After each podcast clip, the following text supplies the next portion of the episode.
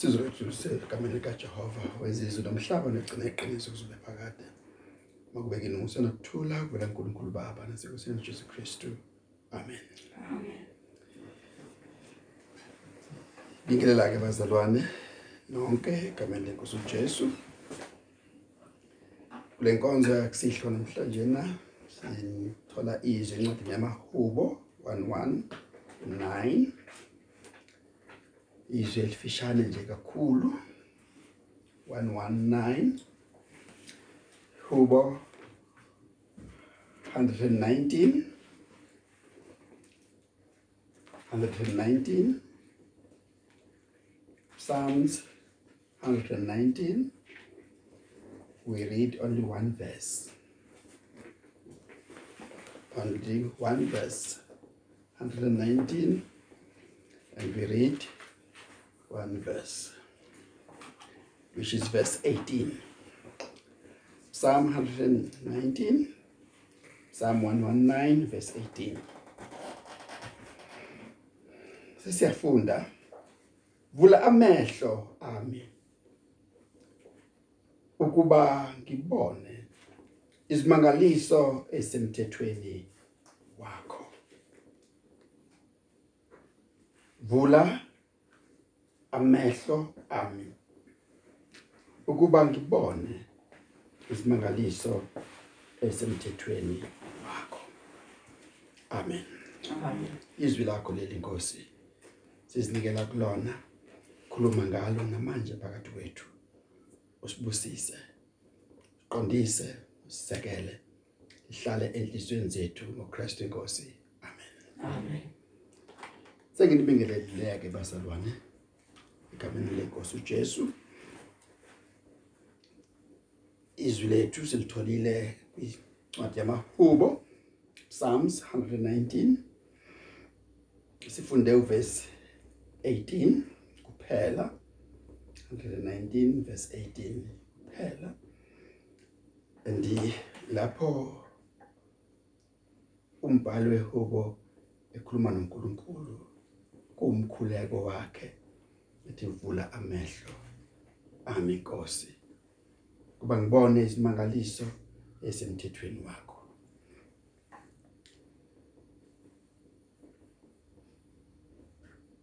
Kulesikhathi uDavide uma ebhala lana ufuna ukuba si- sibone inkinga anayo inkinga yangokwenyama inkinga yobuthakathaka bemvelo.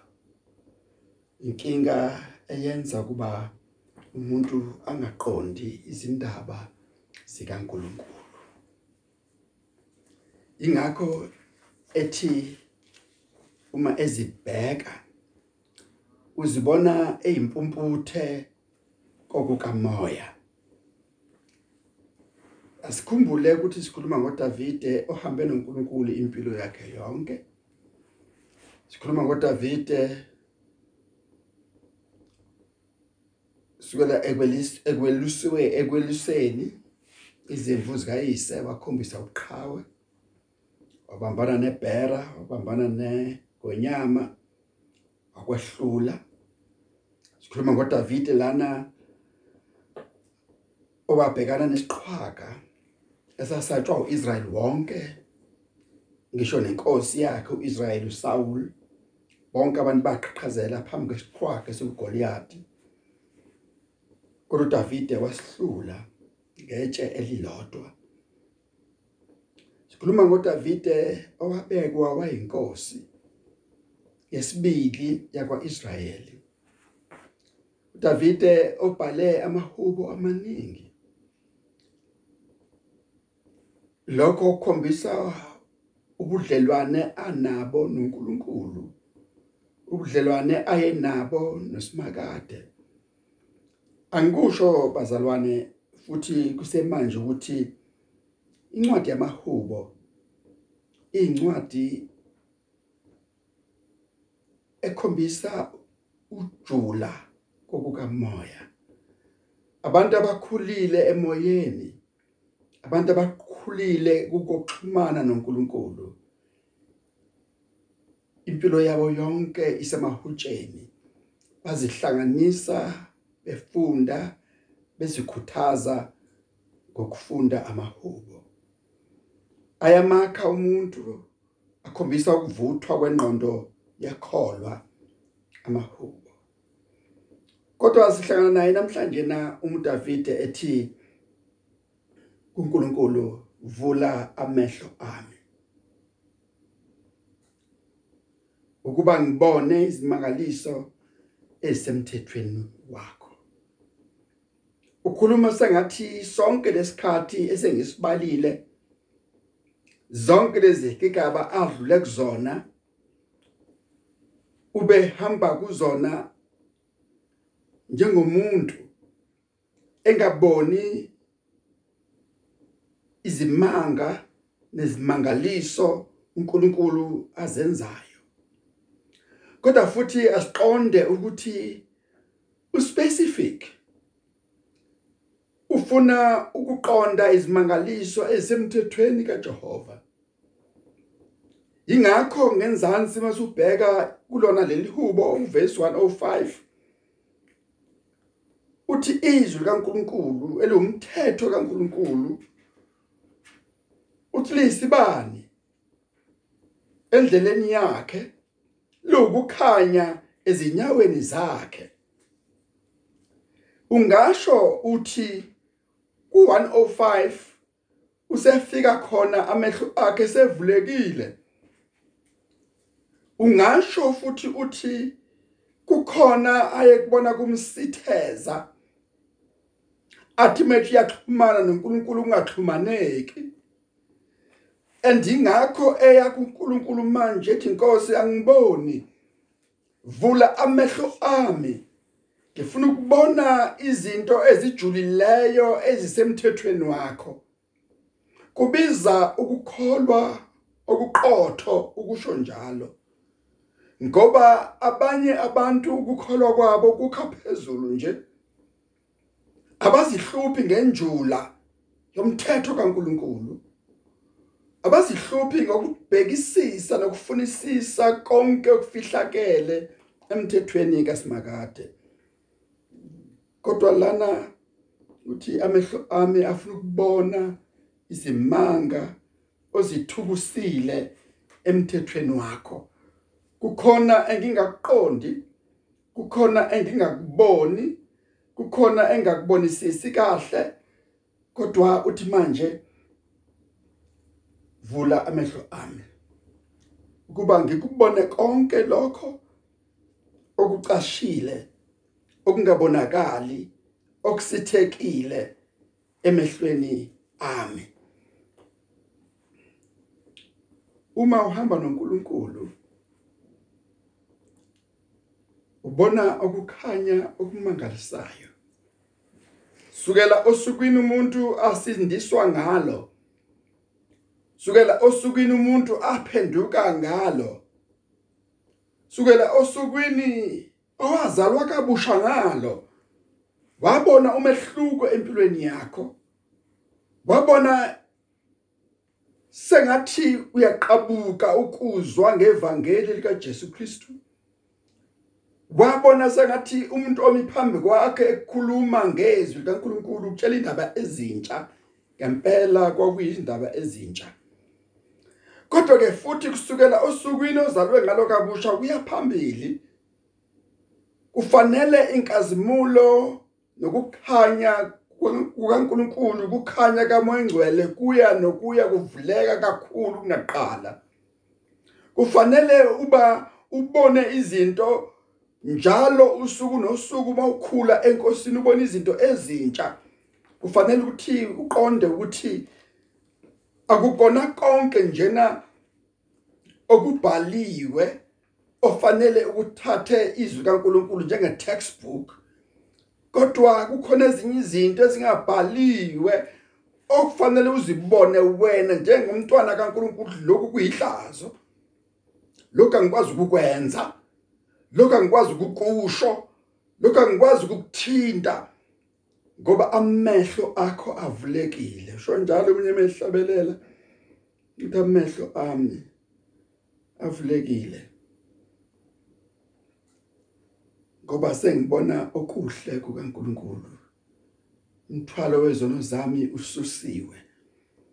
Vula amehlo ami kuze ngibone isimangaliso kaningi uma sisezimvuselelweni abantu babona izinto ezinkulu uNkulunkulu azisebenzayo kodwa futhi kukhona abaphuma bengabonanga lutho. Kukhona abaphuma bengazwanga lutho. Abanye babona baze bakhale bazilahle phansi. Omunye abuka hleka athi benzani manje?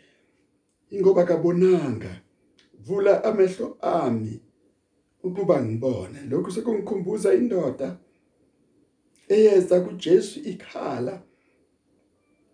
Imemeza ithi indodana kaDavide. Ngihawukele. Ithi iBhayibheli wayema uJesu wathi ufuna ngikwenzeleni? Wathi nankosi mangibone. Mangibone. Wayikhuluma ngamehlo emvelo ngamehlo enyama kodwa wabona ukukhanya emva kokuba uJesu esemthintile emehlweni. Baningi abafikile kuJesu befuna ukuvulwa amehlo enyama. Omunye uJesu uzamnameke ngodaka emehlweni. Omunye sifunda ngaye kwincwadini yemevangeli likaJohane kuze kusuka idebate ngaye esebona sebephikisana bethi ubani owonile azabe impumputhe? Ngabe uyise noma unina noma uyena uqobo? Kodwa bekungeke kube nguye uqobo ngoba uzalwe vele engaboni. Uthi uJesu cha cha cha. Akukona ukuthi bekungenxa yomunye umuntu kodwa ukuba indodana kaNkuluNkulu ibonakaliswe ikhazimuliswe kwenzekile lokhu. Namhlanje na?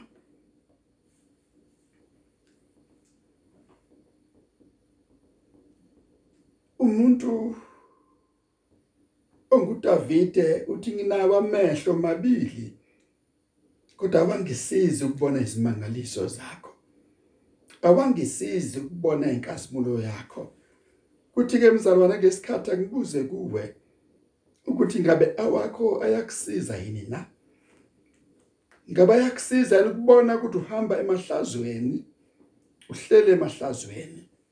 Usendleleni ebhubhayo usendleleni eyela ekulahlweni. Ayakusiza ndawo mehlu ukubone ukuthi uhamba phezuwewa uma ngenjalo yisho nawe namhlanje na uthi vula amehlo ami inkosi ukuba ngibone izimangaliso esemthethweni wakho. Khumbula indodana yolahleko chithe imali yayo chithi impahla yayo. Ihlezi emahlazweni ihamba ngokutamasa nabangani bayo ithi idla ulayishwe kodwa egcineni sengathi yayingaboni ukuthi iyazilimaza. Iyazilimaza ithi idla ulayifi kanti sidla nokudla ongadliwa isidla nokudla kwezingulube isidla nodaka. Lithi iBhayibheli kwathi mase kusile kuye. Sengathi sonke lesikhathi ibisebumnyameni sonke lesikhathi bidukuza iphezulu kwefu elimnyama kwathi mase kusile yasibona izingulube yazibona amanikiniki ayo yazibona ihlukile yalibona ikhaya lakubo licwebezela lilihle yazibona izisebenzi zakubo zingcono kunayo. Ingakho kuthiwa yathi ngiyasuka manje ngiyakubaba ngizomtshela ukona kwami ngizozivuma iziphambeko zami ngizosho ukuthi ngonile akangenze omunye wabasebenzi. Konke lokho kwenzeka ngoba kwasuka inkwethu kwasuka inkungu emehlweni ayo. Yabona ukuthi ihambaze yabona ukuthi sehlazweni vula amehlo ami inkosi ukuba ngibone izimangaliso zakho. Ndoda enguSaul ibheke eDamaseko ibizwa ngokuthi umuntu waseThasu ithi mayihlangana noJesu endleleni yaseDamaseko amehlo emvelo yavaleka. Kubizwa uAnanias kuba ikhulekele kusuka inkungu kuyo. Maqede yambona uJesu. Ngubani wena Nkosi? Ngubani wena Nkosi ongimemezayo uthi uJesu nginguKristu. Jesu omzingelayo. Uzingela mina qobo phela. Awuzingeli abantu bami njena kodwa uzingela mina qobo. Hm ingakho ngikhumbula umhlabelelo wakithi othi bona izwe lapho ilanga lingashoni khona ingunaphakade kulelozwe ayikho inhlupheko. Kulelozwe izwe elingenalo usisi. Izwe uNkulunkulu asibekele lona. Ngengene ngamehlo enyama ngangena ngamehlo omhlaba. Udinga kuba uNkulunkulu akukhombise kuvuleke amehlo kamoya. Uzibone uzilinganise ukuthi nami ngiyalifuna nami ngiyalangazelela nami ngiyafuna ukungena khona. Sho njalo umbhalo. Uma uthi kuningi kuningi izingelosi kuningi izikhulu kuningi ababusi kuningi abapostoli nabaprofeti abakufisa abakubonanga kodwa kodwa kwambuliwe manje kwisikhathi sensindiso. Kwambuliwe manje. uNkulunkulu ukwambulele wena. uNkulunkulu ukwambulele abamvumayo isikhathi sensindiso. uJesu ukhulumile ngalokhu wathi ngiyabonga baba ukuthi ukufihlile lokhu kwabahlakaniphile nabanoqonda okwambulela izingane. Ngabe nawe ubalwa nezingane zasezulwini na? Ngabe nawe ubalwa nabantwana bakaNkuluNkulu na? Vula amehlo ami. Vula amehlo ami. Sengathi uthi umbhali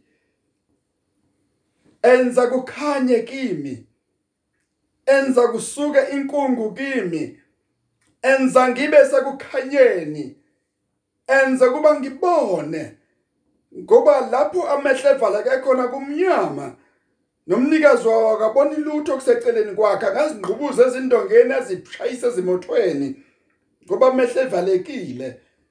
Kodwa uma evuleka kubonakala ukukhanya. Umthandazo wakho kulokuhlwa mawusho njalo. Vula amehlo ami Nkosi. Ngifuna ukubona iplani yakho ngempilo yami. Ngifuna ukubona icebo lakho ngami. Ngifuna ukubona okuhle ongihlelele kona.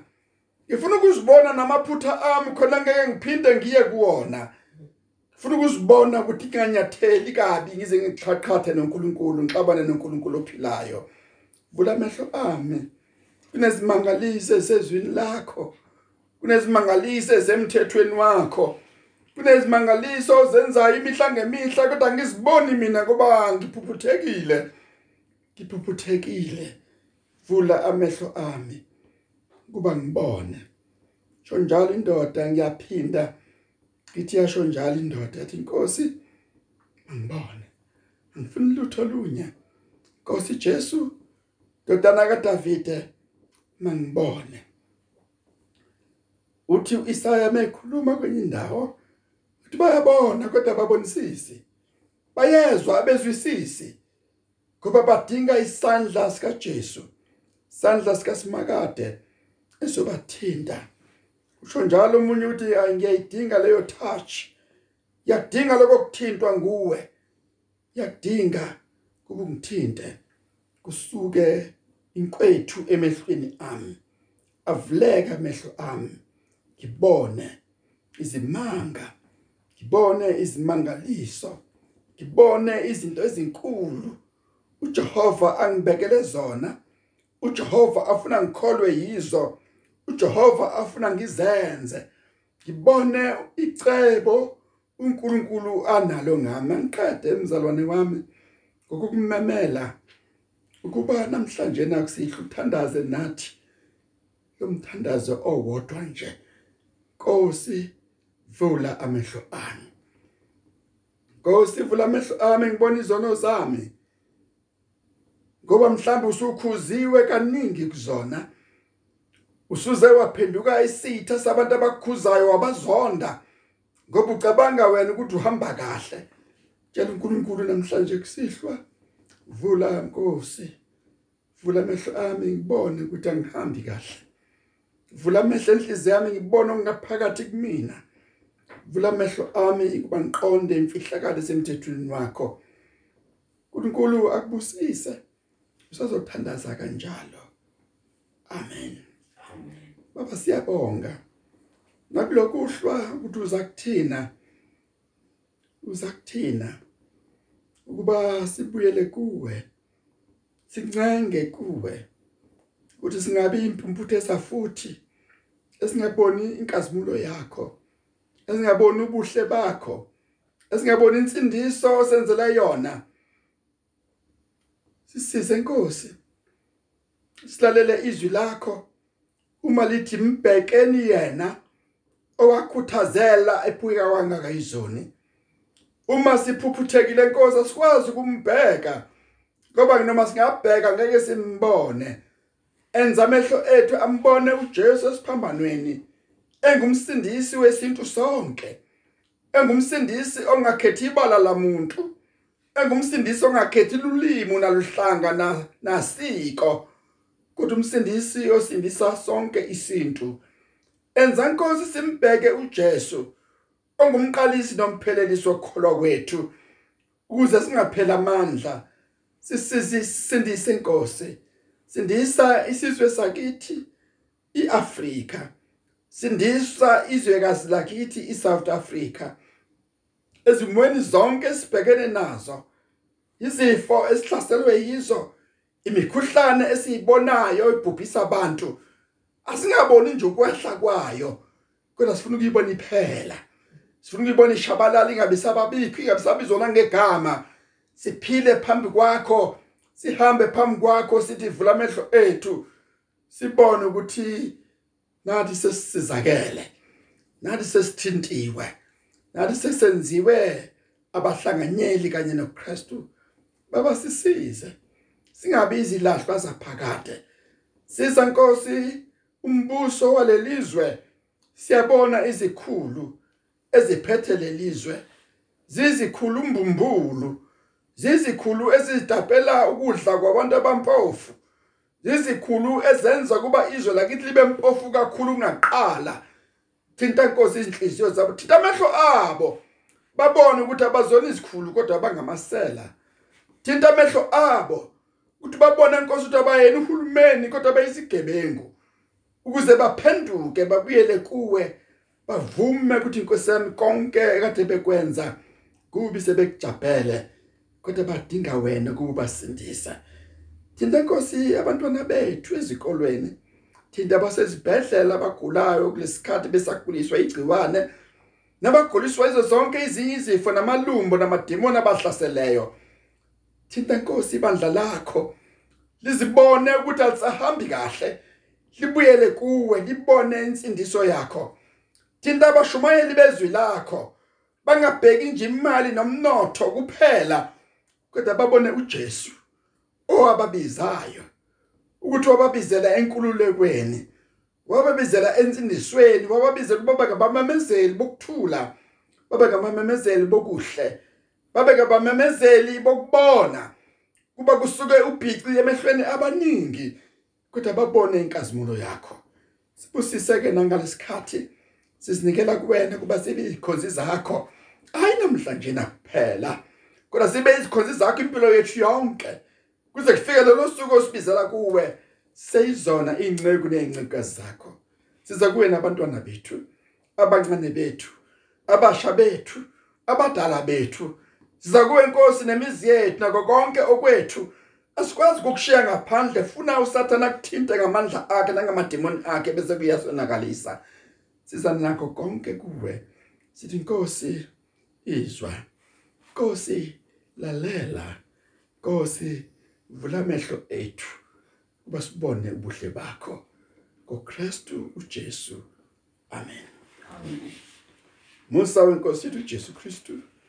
Thando lika baba uNkulunkulu hlanganyelo kamoya ingcwele nokube nani nonke asafike uKristu Jesu amen Amen.